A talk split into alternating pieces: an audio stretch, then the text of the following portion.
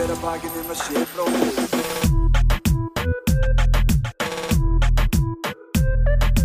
Hver að hver að bakið um að sé bróðir eigi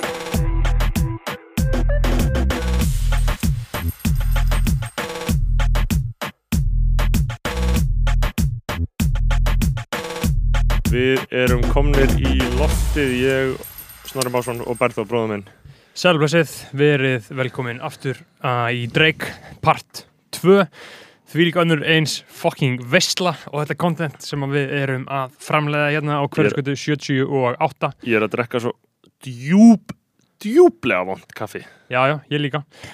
Uh, Uh, það, er, það er bara svo það er það er það er. Ég, það, það er hluta lífinu, mér finnst það oft stressandi, sko, en mm það er samt til ólíkar tegundar af vondu kaffi, sko. Já, þe- þetta er það versta.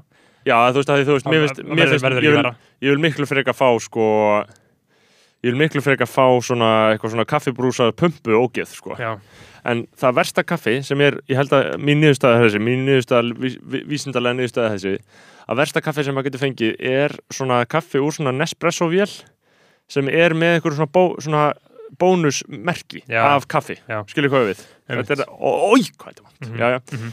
En ég við- já, Aubrey Graham Drake. Við vorum að klára einn að take care í síðasta hætti Ég býst við að allir séu búin að hlusta á hann. Já, ég vonandi uh, þá voru að tala um Take Care og þá voru að tala um bara svona um feature en hann hafi verið með Kendrick og Weekend á þessu og svolítið svona kynnt á heiminum og þetta líka, þetta markar margt sko, upphafið þarna sko, veist þetta markar upphafið af er orðin harður en hann er Já. líka orðin st- mjög, mjög Já, stór. já. Og er hann orðin mainstream stór. hann er orðin mainstream stór hann Já, alveg já, og hann var það næst í bara með best ever head sko Og það gleymist líka að við erum með Nicki Minaj þarna Já, sem er og risastórt þa- þarna er sko. Nicki Minaj orðin ógíslega stór líka. Og það sem að Lil Wayne, það er alltaf talað um hann að hann sé rosalega sko uh, ósjálfselskur. Af því að rappar þetta er svo stór eko og allt það að, og það er alltaf þessi brjála samkeppni sko uh, og menn vilja aldrei láta sko protégið sitt vera betri en Lil Wayne er bara frægur fyrir það að hafa alltaf leift Nicki og Drake fullkomlega að skína og Tyga var náttúrulega með þeim á tímabili, Mhm. hann var Young Money líka og hann var á, á, á plötunum með þeim sko Hvað klopnaði það nákvæmlega? Það klopnaði þegar hann hætti í Young Money 2013 Mhm. 14 og hann og Drake fóru náttúrulega í smá bíf sko. hann fór í, fór í viðtal og sagði bara ekki fíla Drake sem mannesku Já, hann sagði bara ég fíla ekki sem mannesku og þá rappaði Drake á, ég held að það hafi verið á aðna. 6 am in to- 6, 6, nei, 5 pm in New York Mhm. uh, af þessari þemulöfum já, þá segir hann I heard the, heard the lil, lil hann kallar, hann lil, lil homie Mhm. Talking reckless in vibe. That's quite a platform you chose. You should have kept it inside uh, you need to act your age and not your girl age. Já, hann var með einhver ungri gæla Nei, þarna. hann var með Kylie Jenner. Og, og þarna voru Tyga og Kylie Jenner við að saman. góða manni maður. Já, þarna voru Tyga og Kylie Jenner saman og, þarna, og þau byrjuðu saman sko þegar hún var 16 ára. Mm. og hann, hún er 97 model og hann er 89 model. Já, ég veit ekki hvað hann var gammal þá en hann var 28 eða eitthvað og, og þau voru saman. Og síðan um leið og hún varð 18 ára þá gefur Tyga út lag. Þetta, þetta, þetta, þetta er áður en að Tyga revitalæsa fyrirlin sinn með hana. Brum, einmitt. lögunum. Eftir hann byrjaði, eftir hann varð kongurinn í því, hann er batnanýðingur mm. batnaperri, Mm. það sem hann var að gera í Jenner. Og síðan um leið og hún varð 18 ára og ímyndar, fjölskyldin hennar leiði þessu að gerast. Já. og með fullóttum manni og um leið og hún 18 ára þá gaf hann út lagið Stimulated Mm. með Kylie Jenner í myndbandinu. Bara um leið og hún var 18 ára. Og þar rappar hann sko she a big, dog, big girl dog when she stimulated sem það talar um að stimulata barn og þetta var bara eðlilegt. Já, þetta var bara eðlilegt.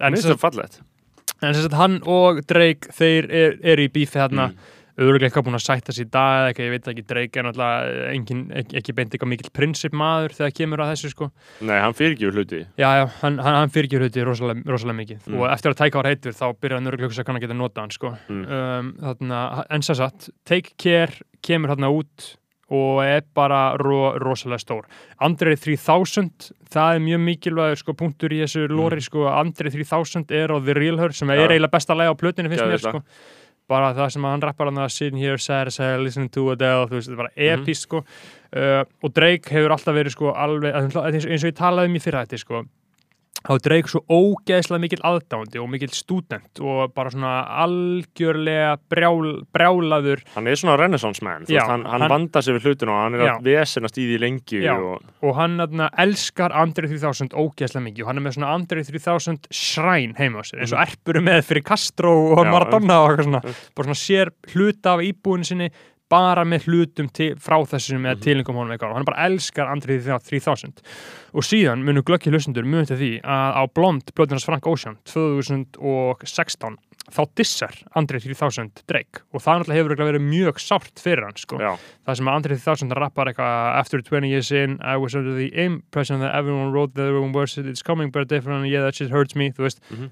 og hann segir sko I'm humming and whistling to those not deserving Mhm. þá var hann að tala um þetta vers. Já. hann sé að humma og whistla fyrir þann sem á ekki skilið að fá vers frá mér, að því vorum að tala um í fyrir þetta að Jay-Z vers sé sjálfgeft og mikilvægt, það var Andre 3000 vers bara, þú veist, þú, þú ferði ekki herra þetta er bara en akkur algjörlega þetta hann hafi verið að fara orðið á móti Drake? Út af því að þarna þetta er 2016 eftir að skandallin með Meek Mill og að Drake sem er ghostwriter kemur upp. Og Mhm. Andri 3000 er greinilega smá fundamentalisti uh, í réttunamaður í þessu sko.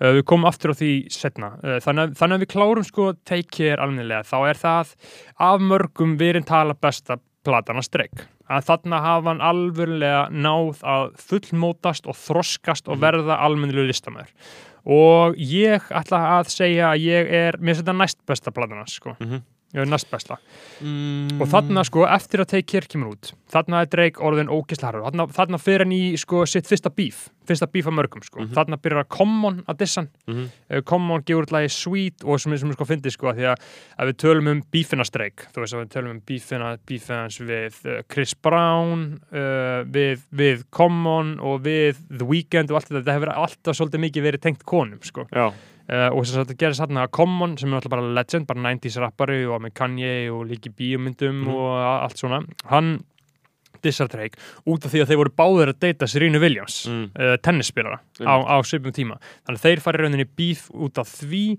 Common gefur út lagi Sweet Drake gefur út maður þetta versinast í Stay Scheming Rick Ross læginu já, ég hvað hann segir þar það sem að segja sko It bothers me when the gods get to acting like the broads Guess every team doesn't complete with n-words like ours mm. Og hann segi sko við Common sko you like the fucking finish line we can't wait to run into you. Mm. Veist, þetta er svona já, epist sko uh, algjör snild og það- þetta er svona svolítið fyrsta bífið þann streik af því það, þarna var líka rosalega mikil sko uh, skipting af því hann rappar á uh, So Far Gone. Þar segir hann diss me and you'll never hear reply for it. Mm. Any award shows I get flight for it þú veist Þarna segir hann bara, samangjörðlega dissa mig, ég er ekkert að svara ég er ekkert að gera. En þarna breytir hann því þegar hann svarar raun þarna og þarna setur hann svolítið tónin fyrir það sem koma skal. Mm. Og þessi ár í raunin 2011 12 á milli Take Care og Nothing Was the Same, þá er Drake hægt og rólega að verða king. Og það sem við glemdum með nefna sem að gerðist í rauninni fyrir Take Care og það er að því Drake hann alltaf verið frægur fyrir það að gefa góð feature og þú veist, sama hvað feature hann gefur út, það verður alltaf hittari sko, þú Mm. veist, uh, eins og hann rappaði sjálfur that's why every song sound like Drake featuring Drake. Já. þú veist, hann tekur húkin og versið og bara myrðir og myrðir og myrðir og myrðir býr til ferla. Og þarna á sagt, DJ Khaled-læginu I'm On One sem kom út þarna í ágúst uh, eitthvað svo leis, 2011 fyrir Take Care. Um, það, um akkurat á, það tíum, á því tímabili sem að Kanye og Jay-Z er að gefa út Watch the Throne, blöðunum sinni saman þá rappar Drake I'm just feeling like the throne is for the taking Mhm. watch me take it Mhm. hann segir það og með því ógnar hann þeim segir bara, ég ætla að taka krúðuna Mhm. ég er bara komin inn það og pælti í sko rókanum, hann er búin að vera tvö ári í leiknum þarna var hann bara búin að vera tvö ári í leiknum og var að segja við Kanye og Jay-Z geitinnar tvær algjörlega á hátindi fyrirlisins bara ég en þið og það, það er svona svolítið skref nummið tvö í svona þeirra flókna rosalega sambandi og rosalega svona power struggle sem kemur til með að einkenna 21. aldar hip-hop sko. það er rauninni þessi þrýr þessi eh, þrý stólpar þessi þrýr og Diddy með líka sko. og við komum svolítið inn á inn á Diddy og eftir líka sko. uh, sem sagt Drake gefur hann út og aðna milli tímabilið, milli sko Take Care og Nothing Was the Same, þá er Drake rosalega mikið að gefa út svona Lucy sko Mhm. og þarna er hann vinur allra af því að þetta er sko, ég er náttúrulega rosalega þakkláttur fyrir það, þarna hætti ég að hlusta á gamalt rap og þarna byrja ég að hlusta á nýtt rap sko Mhm. með gegnum Kendrick og J. Cole og þaðan yfir í Drake og allt þetta og svona droppaði þessum sko svona homofóbísku heimskulu kallmennsku hugmyndum um hvað þetta vera rap og hvað ekki sko Mhm. Og alltaf líf mitt bara breytist algjörlega í kjölfara því og fekk þetta algjörlega heilan sko, og var svona svolítið rosalega obsessed af þessu. Þú veist, ímynda það að það voru bara átta ára eitthvað í lífinu sem ekkert skipti máli nema raptólist Mm. ég bara, þú veist, mér var saman um allt annað. Veist, þetta var eina sem komst að hjá mér og eina sem ég hugsaði um og eina sem ég spáði uh, og ég bara virkilega elska þetta sétt sko. og þetta gerist alltaf á þeim tíma sem að það er ný kynslu að koma upp. Þú veist það er alltaf að tala um að 90s sé svolítið svona uh, gullna öldin í öllu þessu dæmi en þarna er og síðan komu 2000 uh, the odd, the noughties sko, sem verður svolítið, svolítið lélegt en síðan kemur þarna ný svo gullöld Já, með uppreysu Drake og J. Cole og Kendrick og Wale var það með hann náði því miður ekki alveg að transcenda uh, yfir í svona setni 2010s sko. mm. Síðan- King já, King sko og síðan alltaf A$AP Rocky með hann líka með, með hann líka uh, það er þetta svona rosalega stór ný kynnslóð sem að Drake er algjörlega uh, at the forefront í og þarna milli tímabilið 2011 til 2013 þá er Drake að gef að featura hjá öllum enda laust og bara er virkilega svona svolítið að establisha sig sko og eins og við tölum um hann, þá hefur Drake svona, svona mikill enduristna maður og rosalega kalkjulerar. Allt sem hann gerir, hann hugsaður, þetta er powerplay. Hann er bara að valda fucking sjúklingur, sko. Þú veist, hann bara, allt sem hann gerir, hann er virkilega að hugsa hvað græði á þessu og hvernig ger ég þetta og hann talaði mér þess um það sjálfur af því að þú veist, hann hefur alltaf haft þetta orðspár á sér að vera svona rosalega kalkjuleitið núna í 2019 um, jólinn 2019-20 rapp reytar viðtal, fór hann í fyrsta sinn bara í svona sit-down, Mhm. tveggja klukkutíma og hjá sem það rapp reytar sem eru Out Miller og Elliot Wilson? Nei, það er ekki óklift, þú veist, það, það er það klift að þeir fengu ekki að hósta sjálfur heldur að fóla á YouTube síðan að streik. Mhm. hann oppaði á þannig, Já, pældi því pældi í völdinu, bara já, ég skil alveg uh, þið meira að taka viðtal, viðtal við mig en by the way, þið komið heim til mín og ég, það. byrti það. Mhm. en þið megið alveg gera þetta, skilur það voru rauninni skilurinn sem hann setur, sko. Það er 100% ekki óklift, þeir kliftu pottið eitthvað út. En hann, hann, hann opnar rosalega margt og svarar mjög mikið, þetta var bara, úff, þetta var rosalegasta viðtal sem ég heyrt þetta kom út á jólinn 2019, algjörsnild en já, þar talar hann um að hann sé svona calculated en samt sé margt líka bara svolítið mikill séns Mhm. sko, sem að þetta gerist hjá hann og þarna árið, svona milli, tímabili þá er hann svolítið mikið eh, hægt og róli að establisha sig sem king og vera bara best rapper alive Svo 2011 til 2013 Já, þarna í rauninni á þessum tímabili, þarna gemur hann út veist, þarna, og þarna setur hann líka mjög stórt að múin að tala um að byrja að vera harður uh, en þarna ger hann í rauninni mjög, að því eftir care þá finnst hann á túr, hann er orðin ógeðsla stór og bara orðin, þú veist, það er munur á því að eiga hitt lag og að geta selt upp stadiuma út um allt land, bara grætt miljónir á því og náttúrulega eins og uh, fólk þekkir þá þegar að einhver fyrir á túr þá tekur hann uppbytunni gesti með sér og það segir svolítið mikið um hann sko, veist, og það er rosalega mikið hvernig þú ætlar að marka sitja þig, hvað þú ætlar að taka með þér sko, en slumist Kendrick ég fór á Kendrick í London 2018 þá var Kendrick að reyna svona kannski að fara smá burt frá hiphopinu og tók James Blake með sér Mhm. skeggja, skilur, Já. en þannig næra hann tveimur, tveimur hólfum og, Já, já. og allt í kringu það sko Og bara hugsanlega líka bara viskitalega ákvarðanir Já, og þarna uh, með, með þessum The Club Paradise Tour uh, nefndur eftir lægi sem að koma út en var ekki á Var á care sem er mjög leðilegt sko. sem er líka eitt besta lag sem hefur gert sko. Club, Par Club Paradise og Free Spirit komu út saman sko, Free Spirit Rick Ross líka þau komu út saman svona svolítið singlar það held allir að þeir eru það að take care sko, en vörðu það ekki Einmitt, það, það var svo, svolítið tónin fyrir care sko. já, það var rauninni í uppbytunni fyrir þetta Já. og þarna, það sem að gerist þá var að Drake fór í Club Paradise Tourin og þá byggust allir við að hann myndi taka Mi- Miguel og Weekend og eitthvað svona R&B lið við sko. en það sem hann gerði er að hann tók A$AP Rocky og Kendrick Lamar með sér á túr og menn þurfa aðeins að sko átt sér á því að þetta er 2011 og 12 þeir voru ekki shit Nei. þeir voru ekki neitt þeir voru ekki búin að gefa, Kendrick var ekki búin að gefa út Good Kid Mad City. A$AP Rocky var, var nýbúin að gefa út fyrsta mixtape sitt Mm. Live Love A$AP, hann var ekki búin að gefa út Long Live A$AP, þeir voru ekki neitt Drake sá bara, ok, þetta þessi görur illaðir og með því, eins og hann rappar, sko, they told me take an R&B N-word on the road I said no and drew for Kendrick and Rocky Mhm. þú veist, það var bara strategist plan, bara ég ætlaði núna aðeins að spila inn í hiphopið, skiljum Mhm. og síðan setna fór hann á uh, would, would You Like a Tour og þá fekk hann R&B görur með sér, ég held að hann að fengið sko, jafnvel Trey Songs og Trey. Songs og Miguel með sér Mhm. á það sko, en þú veist, þarna hugsaði hann bara ok, nei, ég þarf aðeins að fara að gangsta hérna Mhm. og fá þess að gauðra með, með sér og þar rauninni sko establisher hann sambandi með því að því að málið er að þú ert með samþyggi allt, að þú ert með samþyggi þeirra þá er allir rappin sem fíla þá að fara að samþykja því líka. Þannig að rosalegt powerplay í þessu. Já, og, og, Kend, mjög strategíst já, og Kendrick að því hann, A$AP Rocky og Kendrick er báðið svona leiðtúar af sínum hópum. Kendrick er með allt Black Hippies og Schoolboy Q, J-Rock, Mhm. Ab-Soul allt þetta TDI dæmi og A$AP Rocky er með allt A$AP mobbið með sér, bara, Mhm. bara Ferg og Nast og Ant og alla þessa gauðra þannig að þú veist, með þessu fekk hann samþykki frá þeim öllum sem að skipta svo rosalega miklu máli Mhm. upp, upp á framtíðan að gera og þeir fara hann á túr og Drake verður bara stærri og stærri og stærri og síðan árið svona, síðan hann vinnur hann Grammy fyrir besta rappalbum, mynda á hann svona, sem hann er að drekka úr Grammy og hann vinna fyrir Take Care sko, já, það, það verður svona ro- rosalega svona stórt moment hjá honum sko. Og síðan 2013 þá byrjar rolloutið fyrir Nothing Was The Same. Og þetta er bara eitt svona eftirminnilegasta album rollout lífsmins, ég man hvar ég var bara við einhvern einasta singul sko, þú veist uh, Worst Behavior, nei, sko, gefur hann það ekki út það? það, það, það, það kemur út sem videosingull eftir og það myndbandi tekið upp í Memphis eins og við erum að tala um uh, í fyrsta partinu sko, tekur hann það upp í Memphis uh, heldur gott sko.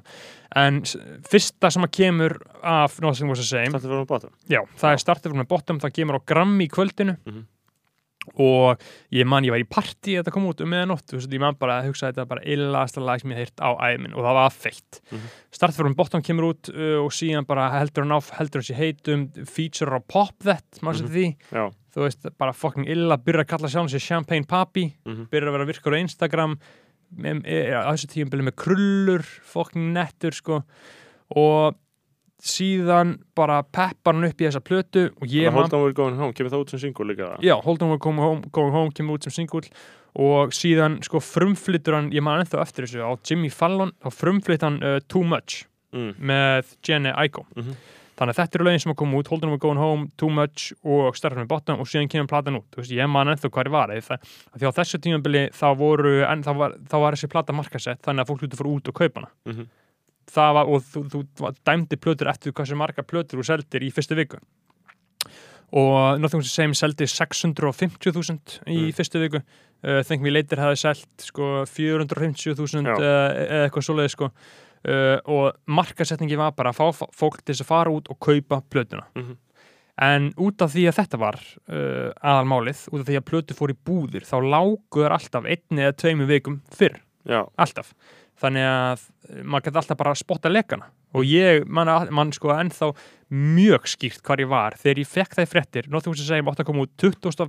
fyrst átt hann að koma út 18. september og síðan var hann frestað með eina viku í 24. september Mhm. og ég man hvar ég var þegar ég fekk fréttinar á næður leiki ég var, þeir sem er hlusta og voru í Vestló ég var niðri í skrýtnu stofunum á, á kjallarhæðinar, svona tvær stofurar hjá íþjóðhúsinar, ég man bara, ég var þar inn í tíma hjá öðrum bekk þetta var svona þegar maður var í, þekk fimm minna pásu og kíkti maður inn í aðra stofu og var eitthvað að tala um fólk þar ég man bara, ég þekk þessar fréttir, ég man, ég fröys ég bara, oh my god, oh my god, oh my god, oh my god og fór og downloadaði plötunni e, og skrópaði tíma og hlusta á hana Mm. og hún kom út og þetta er ennþá besta dregplatan fyrir mér, sko já, já, já. Minni mig á sko 2013 minni mig þessi, þessi Was The Same platan hún minni mig á að þetta var fyrsta árið mitt í MR Já. Uh, og þetta er einmitt að um haustið þegar bara líf mitt, þú veist, þetta þetta er auðvitað skemmtilegsta haust lífsmis eða hugsa út í það fyrsta árið MR og þá var teba á hverja helgi og var reykja sígrættur og drekka kaffi Já. og ég var nýbyrjar aftur að reykja sígrættur Já, eftir að hafa hætti í tíundabæk og verið Einmitt. hættur í sjö mánuði einmitt og ég var alltaf að reykja sígrættur eldsæma morgnana með iPhone snúru, svona iPod snúru mm og átti held í Samsung síma og var Já. alltaf að hlusta á sko Tuscan Leather, Furthest Já. Thing á Já. leiðin í skólan, Já, svo þunglindislegt já, og svo Worst Behavior og, og svo Too Much auðvitað uh, ég man alltaf þegar þarna The Language var í spilun í Kösu mm uh, og Jónas, mannst þetta í rauðhærið Jónas 666 eitthvað Dirty Master þarna, sem Siffi var að tala um já, já, já, já það er? Dark Prince Dark Prince Já. uh, hann var uh, mjög mikill spaði í MR sko. uh, og hann var að afgreða í kösu það var svona nefnd sem afgreði í kösu sko. Og ég var eitthvað svona, hann var að spila þetta lag ég eitthvað, þetta er gott lag, hann eitthvað, já, þú ert með góðan smekk og ég eitthvað, já, ok, takk hjá þetta er gott, Mhm. hérna, gott Já. sem er með í gangi Mhm. uh, en þetta var, já, þú veist, þarna var þú veist, það, þetta fór ekki fram hjá neinum og þeim var svo segjum fór ekki Nei. fram hjá neinum og ég man að þarna þá fór maður að hugsa fyrst sko, svona, heyrðu, þetta er, þetta er þarna Arti Gellur er að posta from time Já, já, skilur, Já, Arti 93 módel er að posta from time núna. Og ég man bara eftir, að, eftir þeirri breytingu Já, sko. af, af því að þarna var Drake sko uh, búin að hitta mainstreamið sko, en samt aldrei en þetta var Arti gælur þetta, var var, Já, ekki, þú veist út af því að platan er bara málið það sem að Drake gerir svo ógeðslega fokkin vel og ástæðan akkur hann er svona ógeðslega vinsæll og hefur náð svona rosalega uh, langt það er út af því að hann nær að gera sko taka í rauninni flóknu elementin frá rappinu. Og það er svona rosalega ljóðuræna svona dót sem lætur bara finna fyrir einhverju í njánum að þeir sko og pakka því saman í svo ógeðslega einfalda búning þannig einhvern veginn allir skilja Já. þannig að hann nær að gera það sem að einmitt, þetta er, þetta er miklu aðgengilegra en eiginlega allt annað Þetta sko. er svo aðgengilegt en þetta er sama tíma líka svo djúft já. fyr, fyrir þá sem að vilja það sko. þannig að hann næri að pakka þessu saman bara á einhvern hátt sem að engum hefur nokt tímann tekist áður sko. og ég, ég held að ég hafi hlusta á fálög jafn oft og Pound Cake bara smortum musik ég Já. hlusta ennþá á þetta laga bara vikulega sko. Já. ég hlusta eiginlega alltaf á þetta bara þarna, það er bara ma magna sko. og það er náttúrulega uh, Já. Mhm. nummer, nummer tvö hjá honum sko. og síðan eru fleiri sem koma fram á plötunni eins og Detail, að mér fyndi sko Drake barði Detail, buffaðan sko og Drake og, og Detail sem kemur fram á 3 og 5 tíma seri I get it, I get it. Syngur þar, pródúsir sem vann mikið með Lil Wayne og svona, svona mid-2000s pródúsir sem var rosalega vinsall sko, og Mhm. söngverð líka. Hann vann mikið með Future og Hendrix plötunni. Já, hann, hann svona setti sándið þar. Uh, Drake barði hann í hann? barði hann, bara Drake og Chubbs börði hann. Mhm.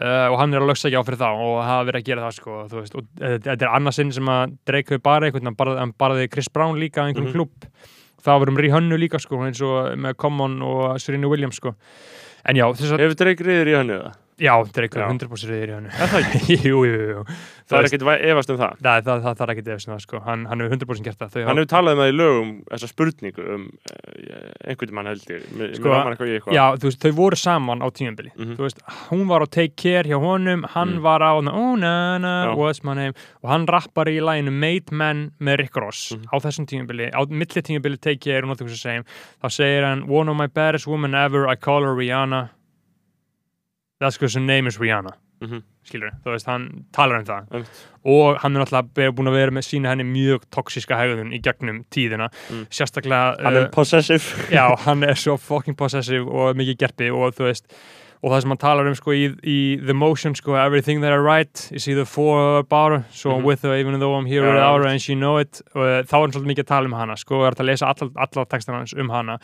og hann alltaf píkaði píkaði um það, hann er spólust bara fram í tíma hann 2016, uh, þegar Rihanna var að fá svona MTV Video Vanguard, svona Lifetime Achievement Mhm. Award uh, og hann sem sagt aðna, tilkynnti verðlunin til hann, maður já, this the einmitt. girl I've been in love with my whole life uh, og reynir að kissa hana með, með svið og hún Já. er bara what the fuck já, hún er bara, ó, bara þú veist, hvernig dirfistu já. að gera þetta heldur hann hafi verið pyrri alveg já, hún talaði um setna í viðtali bara Já. þetta var ekki moment og síðan þá hafa þau ekki sérst saman Mm. síðan þá hefur bara, þú veist, að því á þessu tímabilið þau, þau vinna hann saman og take care hann og er svo og- King. Obbi að taka þetta múf á hana þegar hún er að fá eitthvað verðlun Já, hann bara oppa hana í döðlur sko, það var ógeslegt sko.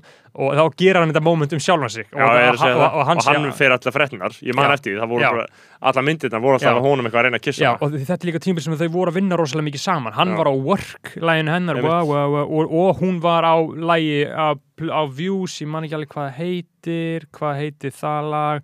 Það heitir Too Good. I'm too good for you það, uh, og þannig þau voru rosalega mikið að vinna saman þarna og hann Mhm. bara fucking uh, fáði með allt þetta sko Mhm.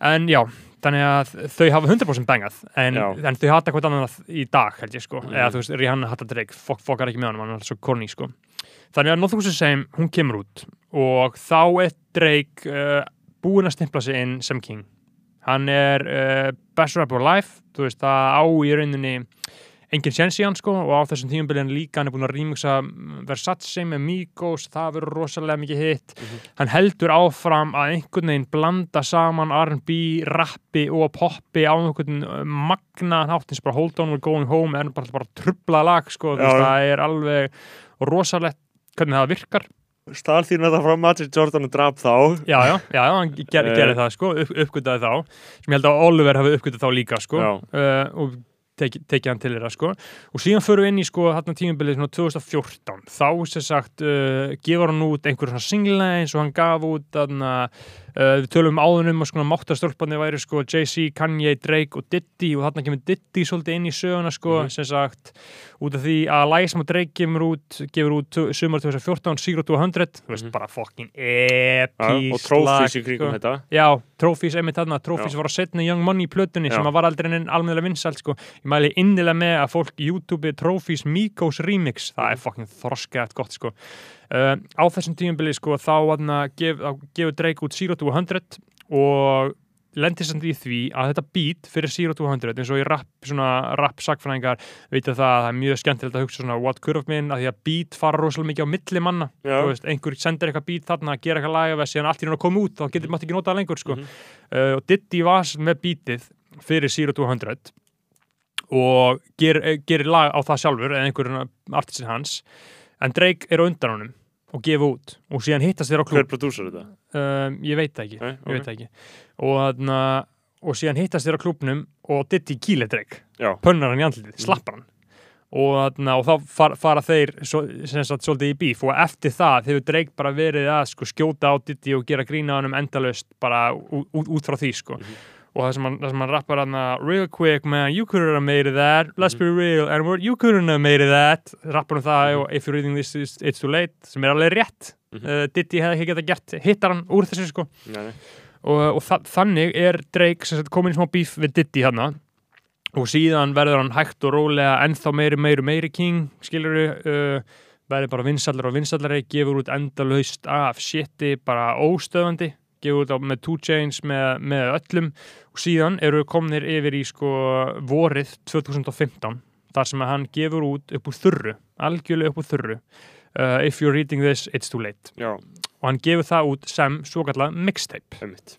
Hann gefur það ekki út sem plötu. Það kemur út á Soundcloud og þarna, það kemur út á Soundcloud bara upp á þurru og síðan alltaf ástærimisveitur og síðan var það selt sem alveg plata en, eitt svona, og, en þetta voru sem sagt bara 17 lög upp á þurru, engin singlar, ekki neitt og þá runnvurlega verður hann kongurinn mm King Af því King hann er líka frekar harður á þessar Já. plötu rosalega aggressífur og rappar rosalega mikið og þú veist, þetta er bara ótrúlega, ótrúlega góð plata, sko. Já, þetta er, ef ég ætti að segja hver væri mín uppáhald þá myndi ég líklega myndi ég líklega segja þessa vegna þess að mér finnst hvert einasta lag á henni bókstara hvert Já. einasta lag á henni geðvitt Já.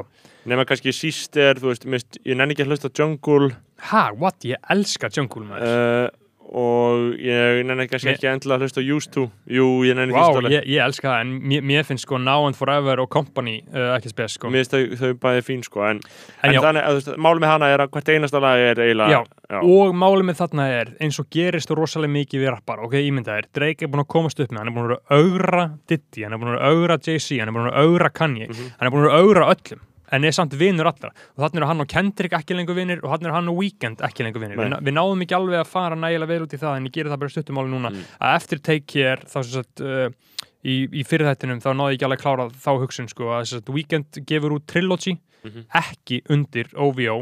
Sound hann svíkur Drake og fer sem sagt til Republic og út frá því þá hætta þeir að vera vinir og sem kemur Drake fram á Kistland Plötunars Weekend uh, með Live For svona eitthvað svona smá bara svona Skrítið lag. skrítið bara meika enga sens, þú veist. Drake hafði ekki gefið út liðlegt vers bara í í bara þrjú ár og var svona smá gerðgáttur upp hann hafi viljandi gefið weekend liðlegt Já, vers út af þessu sko.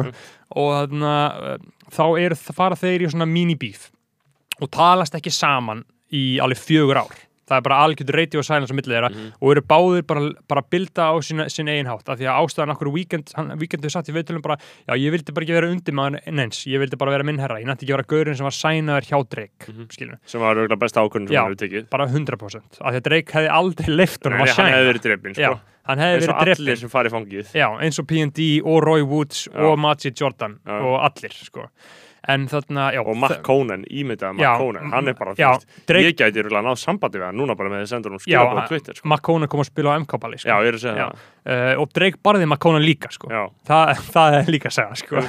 Drake hefur svolítið verið að berja gauðra, já, sko. mér finnst það mjög bara gott að vera svolítið líkanlegur sko. Já, og við glindum að 2014 þá gefið á remixar eh, Drake Tuesday sem Mhm. að er náttúrulega bara fucking epist lag, vangi, vangi er gott lag sko. Turn up on a Tuesday. Já, og þarna, já, sagt, þetta, það er með þá og þarna gefur Drake út If you reading this it's too late og þetta er bara rosalegt moment bara í, bara allstar, ég man bara, þú veist, þarna var ég á svona mínu peak jam tímabili og Drake er bara king, bara hvert Svipa einasta, hér sko. bara hvert einasta orð sem hann sagði var bara, oh my god, hvað þetta er geggja, maður var að tengja svo rosalega mikið við þetta. Ímyndaður hvað þú veist hvað það er að því að ég hlusta um, hugsa um þetta um If you're reading this too late og sömulegist dissi sem með Meek Mill bífið með Meek Mill sem við förum að koma að núna í þessu samingi bara þetta var á þessu, þessu tímabili cirka uh, eða þess, þetta var að voru og bífið um haustið kannski í 2015 Mhm. uh, ímynda hvað það er ógæðslega pathetic hvað þetta höfðar til mín á þessu tímabili. Mér finnst það ógæðslegt mér finnst það ógæðslegt að hugsa um sjálf mig að syngja með þessu lögum djamma við þessu lög og veist og upplifa sér harðan Mhm. Þú veist að þetta, þetta er valdeblandi Já, þetta er rosalega valdeflandi, þú veist að hann er að veist- tala um hvað hann er mikill kóngur Já, það er svo sorglegt að tengja Já, það. ég veit að maður tengja mikið við það þegar hann bara I'm running through the six with my woes. Já, og það var bara sex gaurar. Já, já, líka bara eitthvað svona, ég veit, eitthvað svona sex gaurar. Já Ég, það ég er man, ég tweetaði sko running through Hendrix with my woes. Já, einmitt. Já, veist maður Þetta er maður að samsama þessu svo Já. algjörlega og, það er svo ógislegt og, eitthvað. og það sem að byrja að gera sér dreik þarna núna uh, er að hann byrjar að fá guðkomplexa Já, The God Complex sem að allir kallmenn fá þegar þeim gengur svona ókysla vel og byrja að kalla sjálf þessi Six God og þarna byrjar hann almennilega að branda Toronto borg, Mhm. branda þú veist bara s- Saxona 416, Mhm. Six Side Sickos og allt í kringu það sko, byrjar svona Og- ro rosalega og mikið náttúrulega hefur klassiska Turn the six upside down, that's Já. a nine já, það er þú veist, einmitt hann, hann gerir sem það. var gert grín af sko, grínað. Já, og sko við erum að tala um það sko, það hafa verið gerða rannsóknir að því. Drake hefur fært kanadíska hagkerfinu Já, í túrisma, það er til YouTube með um þetta, minnir þetta hafa verið 616 miljónir dollara sem eru bara beinar tekjur frá árangri Drake, ímynda þeirra Já. Uh, og ímynda að hvað myndi gerast á Íslandi ef einhver svona gaur myndi verið jafn stór og Drake skilur, við erum bara risaþjóð Mhm. Þa, þannig sé, það væri nóg fyrir svona rosalega Þetta er náttúrulega líka að hluta til það sem Sigur Rós og Björkursson hafa gert já, fyrir okkur já, sko. þau, þau hafa gert þetta því ég ímynda þér, ok, tökum svo dæmi uh, af hverju myndi einhver fara til Jamaica auðvitað bara fokkin tónlistin Bob Já. Marley, kultúrin, allt þetta veist, það er nákvæmlega saman með Ísland og Björk og Sigurós Já. sko. en já, þannig að hann gefur þetta út uh, If you're reading it's, it's too late og verður bara King, King City, bara legendary lög bara Mm. Ódöðlegt ótrúlegt shit. Og síðan þarna kemur risastórt moment. Hvernig byrj, hvaða moment? það uh, moment sem að Meek Mill tweetar. Uh, hann tweetar þarna voru Meek Mill og Drake rosalega góða vinnir og Meek Mill er sko bara, hann er einn af þeim heitastu, hann er svona top 5 heitastu Mhm. og hann er bara fullkomlega strít, hann er bara gangsta hann er bara ógeðslega harður. Mhm. uh, en á þessum tíma var hann, tíma var hann því miður að uh, poppa pillur og Mhm. drekka kótín og var á svona slæmi staði í lífinu mhm, þá tweetar hann, Drake skrifar ekki textan sína uh, Drake kom fram á plötinu minni á lægin sem heitir Rico Mhm. og hann tweetaði hann ekki út af því að við föttum að hann skrifar ekki textan sína og, öðna, og þess vegna vill hann ekki deila plötinu og Meek Mill tweetar þess út og allur heimurinn fer á hliðina mhm. Og bara Meek Mill segir bara Drake skrifar ekki textan sína. Og síðan kemur Funkmaster Flex í útvarpið og sannar það að Drake skrifar ekki textan sína.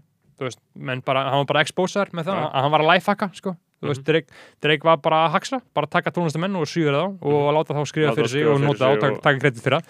Eins og allir listamenn gera, sko, Mhm. bara komast uh, ekki að endilega allir upp með og hann lendir í því. Meek Mill tweetar þessu þannig að bara daginn eftir þá gefur Drake út uh, Charged Up Einmitt. sem að margir mun ekkit sen, sennilega eftir. Það er svona rólegt lag, það sem hann er bara að tala um bara, hei, ég er bara og það sem hann var að gera með því, hann var að beita skilur, hann var bara að sjá, bara, hann gáði bara daginn eftir bara til að sanna að hann skrifi það, var verið að segja að hann skrifar ekki. Einmitt. og auðvitað vita allir það að Drake fucking skrifar en bara hann já, lifehackaði, fær- hann, hann, hann haxaði fær, ég, ég mynda mér þetta hann eða þetta séu, þú veist einhver hópur einhverja góða línur. Mhm. En Drake er náttúrulega höfundur, skilur hann fær einhverja góða línur, kannski hann, hann, hann hefur segið sko, en hiphopi hefur ekki alltaf verið þannig eins og í potonlist sko. uh, en já, þannig gefur hann út Charged Up og síðan fjórundum setna, það heyrist ekki neitt frá Meek Mill eða neitt Nei, við kemur það með back to back. Þá segir hann I waited four days man, where y'all at? Já, drove here in a wraith playing A-Rap þar gefur hann út back to back Mhm. sem er uh, að öllum líkindum besta uh, dislag rapsögunar. Já ég, ég man eftir ómennskum tilfinningum þegar það verið að spila þetta á djáminu þegar allir, já, allt skvatið var að hlusta back to back og, og, og á björgvöldum Já, og 2015. þú veist, og þetta er svo mikil snild, hann er Búm, bara að, að gjörsamlega, og pl planið hans með þessu var að búa til dislag sem að Meek Mill þarf að heyra hvert sem hann fer. já, Þú veist, dislag hafa vanalega verið bara bars, engin húk eða neitt, en Drake söng.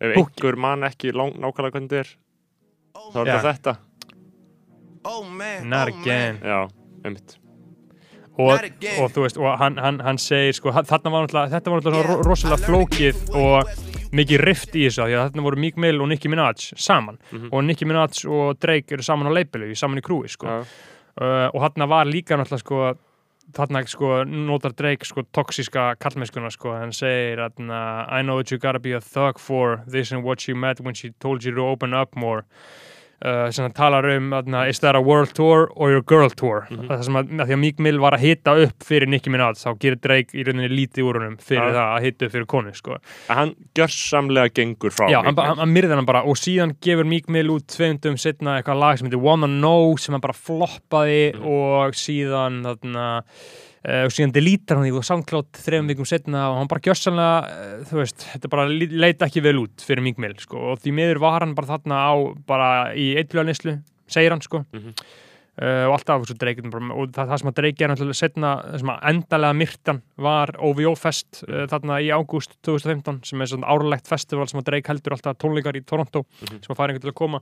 Og tónleikanir í þetta ári OVO Fest var tilengað bara morði Meek Hann mannst það með mýmun upp á sviði Mm. hann var með svona risastóran skjá að sína mím af Meek Mill Mhm. endalaust aftur og aftur og performaði síðan lægið og postaði á Instagram sem allir voru að syngja Got the drink in me going back og bara myrtan og hann postaði Mm. Og hann, líka- hann, hann gekk það langt að hann postaði mynd af Kanye West og Will Smith að horfa á síma og öskur hlæja Mm. af, mí- af mýmum af Meek Mill hann fór það langt En þetta er líka sko það er margt í þessu fyrsta lagi er það að á þessum tíma, ég man eftir því að þetta er sko það Drake byrjar að vera mjög mikill samfélagsmiðla meistari Já. uh, lögin þemun á albumcoverin á Charged Up það er einhvern veginn iPhone stemning Já. og þetta er alltaf gerast á netinu og þetta er Já. þegar samfélagsmiðlar á Twitter og allt er orðið aðalmáli í Einmitt. þessu og við náttúrulega gleymum að nefna sko, uh, Hotline Bling Já, það kemur hann út haustu 2014 fyrir Einmitt. þetta og þar master hann það, þar verður hann mím og- þar fattar hann uh, kraftin í mýmunum og hvað út af því að málið er bara það munurinn á Drake og flest öllum öðrum, sérstaklega röppurum er að einhver eitt rappari er með sína ímynd og er nákvæmlega eins og hann er. Ok, taktu til dæmis bara herra hnettismjör hann er nákvæmlega eins og hann er Mhm. skilur, hann er ekki neitt annað. Nei. Drake er þúsund mismöndi hlut hann, hann, er grín hann og er grínisti, hann er fyndin hann er ekki endilega karakter, hann er Einmitt. bara svona fullkomlega mikið hann er hann, bara svona kameljón og og hann getur fitta inn í hvað sem er, hann er leikari hann er grínisti, mm Streik var að leika í SNL, hann og hann er alltaf að koma hann á, óvart hann var að hósta á Watch og alltaf að koma hann óvart og þegar hann er ofta að leika í einhverjum svona skrítum sketsum bara með sjálfum Já. sig það sem er eitthvað grínast og, og, og út af þessu þá er hann ekki boksaður inn í neitt og þess getur hann verið mýmar svo fokkið mikið, ég myndi að bara mýk þú veist, bara einhver, bara einhver harður gangsta rappari eða mýmar, þú ert bara, þetta svífir hann Já, og hann stendur ekki fyrir það, skilur en Drake lætur að bara leifir Drake að bara els, flakka sko. elskar það, Ég skilur myndi að mýminn þar, þú veist, með þarna þegar hann er að, með, með höndinu svona öxlinu og eitthvað Já. að horfa, horfa til hliðar, það Já. er þarna inni í kassanum Já. í Hotline Bling, myndbandinu, Mhm. þegar þau taka kassanum sem er Mhm. píst myndband Mhm. uh, svo þarna þú veist, þá er þetta orðið svo rosalega digital Já. og þetta er, þetta er svona tímabil það sem, þetta er hefði slæma Twitter tímabil, þetta er 2015-16 þetta eru verstu tímar internetsins, Já. þar sem að hann er bara algjörlega exploitaði drast Mhm. og svo er það hitt, hvernig hann gjörsanlega skýtur um Míkmil, Mhm. þú veist að þetta er ekki bara að klára hann og drepa hann, heldur hann stappar á líkin hans og Já. hann gerir það sem Hector, þeir gerðu við Hector í Róm Mhm. þeir dró- settu hann aftur í kerruna og kerruðu kerruna í kringum Róm já, og ætla að sjá líki, skilja, þegar Já. það þarf að setja fordæmi, þú bara, þú kemur ekki í kóngin Mhm. og, og þú, drep, þú ert drepin og gera já. Og, og, og, og hann setur aðalega það sem að Omar í The Wire segir. Já, come for the king. You come at the king, you best not miss. Já, þú veist og, og, og, og þetta var algjörlega skakt skoti hjá Mick Mhm. Mill, hann bara, hann hafði aldrei átt að fara í svona. en ég myndi að líka að Mick Mill var að segja eitthvað sem var satt og sem var tekið alvarlega, sem Já. var ekki gott fyrir Drake, Nei, en Drake náði samt að snúa þessu í andlita hann bara algjörlega umturna þessu sko.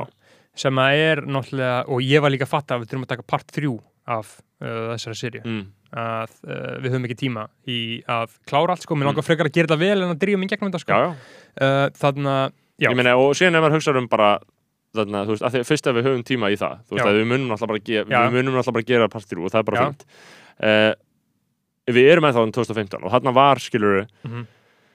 Þarna var hann alveg óeðlega stór og þetta er svona rétt áður en hann verður gjörsamlega Þa- rétt áður en One Dance kemur út já í raun og þa- þa- þetta er áður en að verður bara gjörsamt monster. Því að One Dance kemur út hvenær nákvæmlega? One Dance Er það janúar út 2016? eða hvað a- var það? aðeins setna, svona februar, mars 2016, Já, ég var að vinna á Sushi Train sko, Mm. en veist, en fyrir það, þarna haustu Nei, og það þarf líka að tala um bara, þú veist, Haustið- What a Time to be Alive Já, haustu 2015 þarna, uh, hann kemur þarna eftir þetta, hann bara he, hann emergeaði Victorious. Mhm.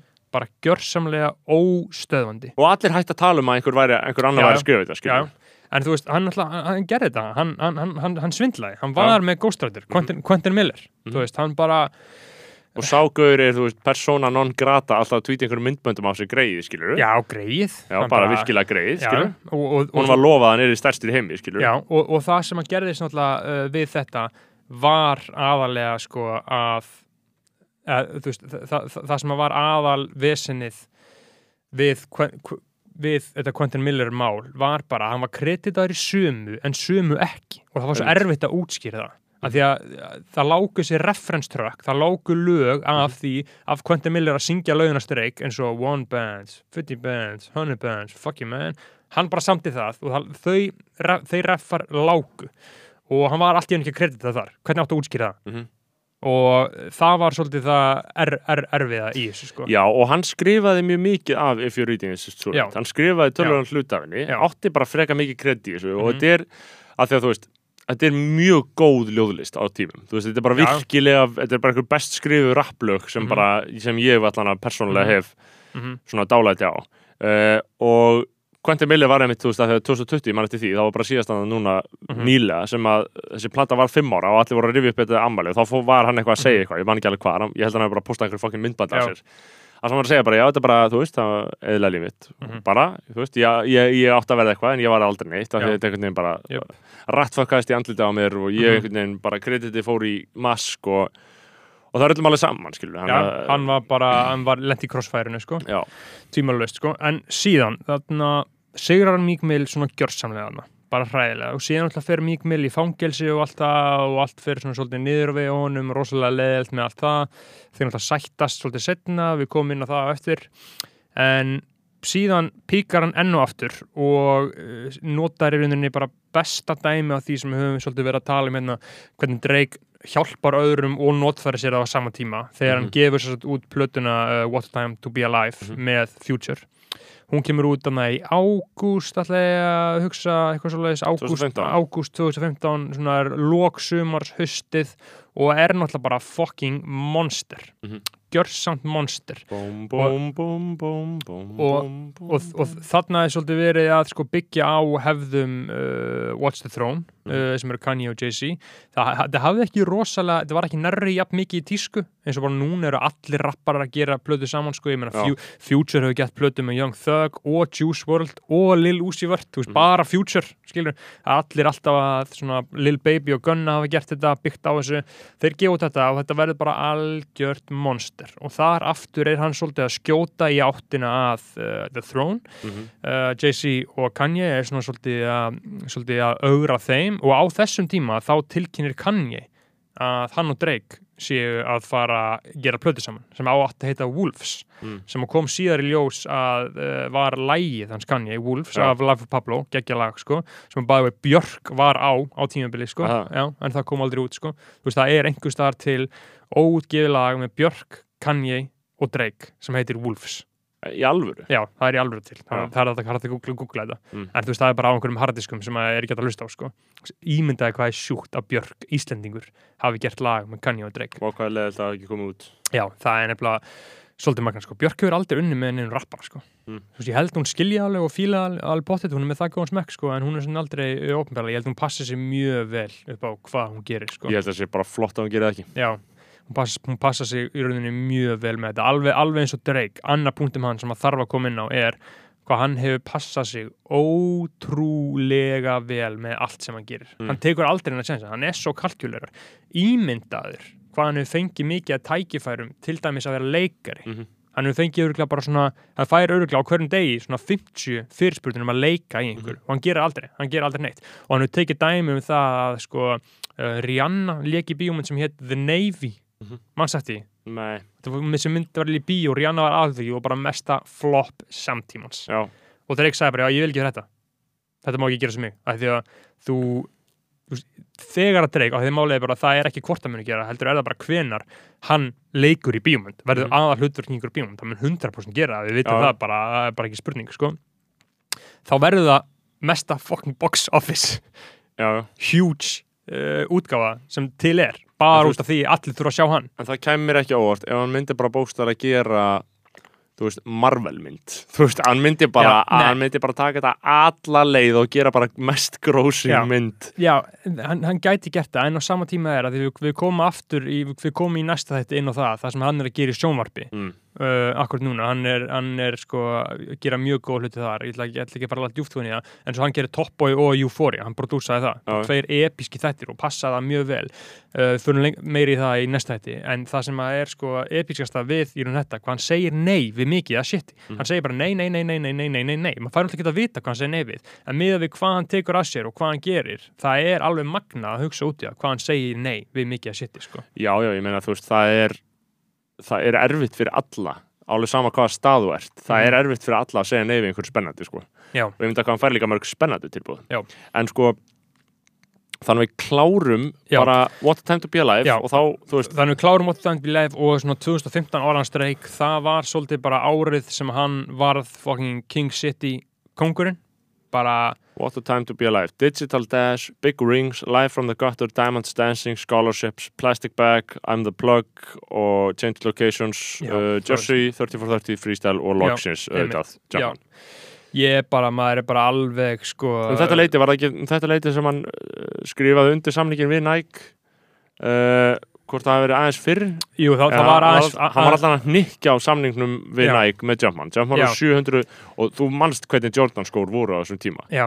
Jordan skór og Jumpman, þú veist þetta var einhvern veginn Já, og það, það, við, við kom, við kom eftir að higgja var auðvitað engin tilviljun Future var líka að gera sérstaklega Future Jordans Já, var, við, þarna, við, við komum betur en það í næsta hætti sko, samband Drake við sko, Nike og Adidas og Jordan Mm. og allt það, það er allt saman mjög mjög áhugavert sko. en þarna uh, já, What Time to Be Life kemur út uh, Jumpman verður fucking risa monster ég er bara Já, með 700 milljónir hérna. og rosalegar preiksminningar af því maður alltaf spila Hearthstone og Heineken Mhm. og það, þetta var svolítið svona árið sem að Drake setti tónin fyrir það sem ko koma skildi sko. Mhm. og síðan 2016 sem við ætlum að, að tala um í næsta hætti 2016 til nútíðar Mhm. uh, þá bara, þá verður hann sko, þarna er hann ógeðslega vinsæll bara unprecedented vinsæll rappari en í næsta hætti þá förum við um sko yfir gigantísku vinsællunar núna ætla ég að taka eitt episk move sem verður síðasta lagi í þessu. Uh,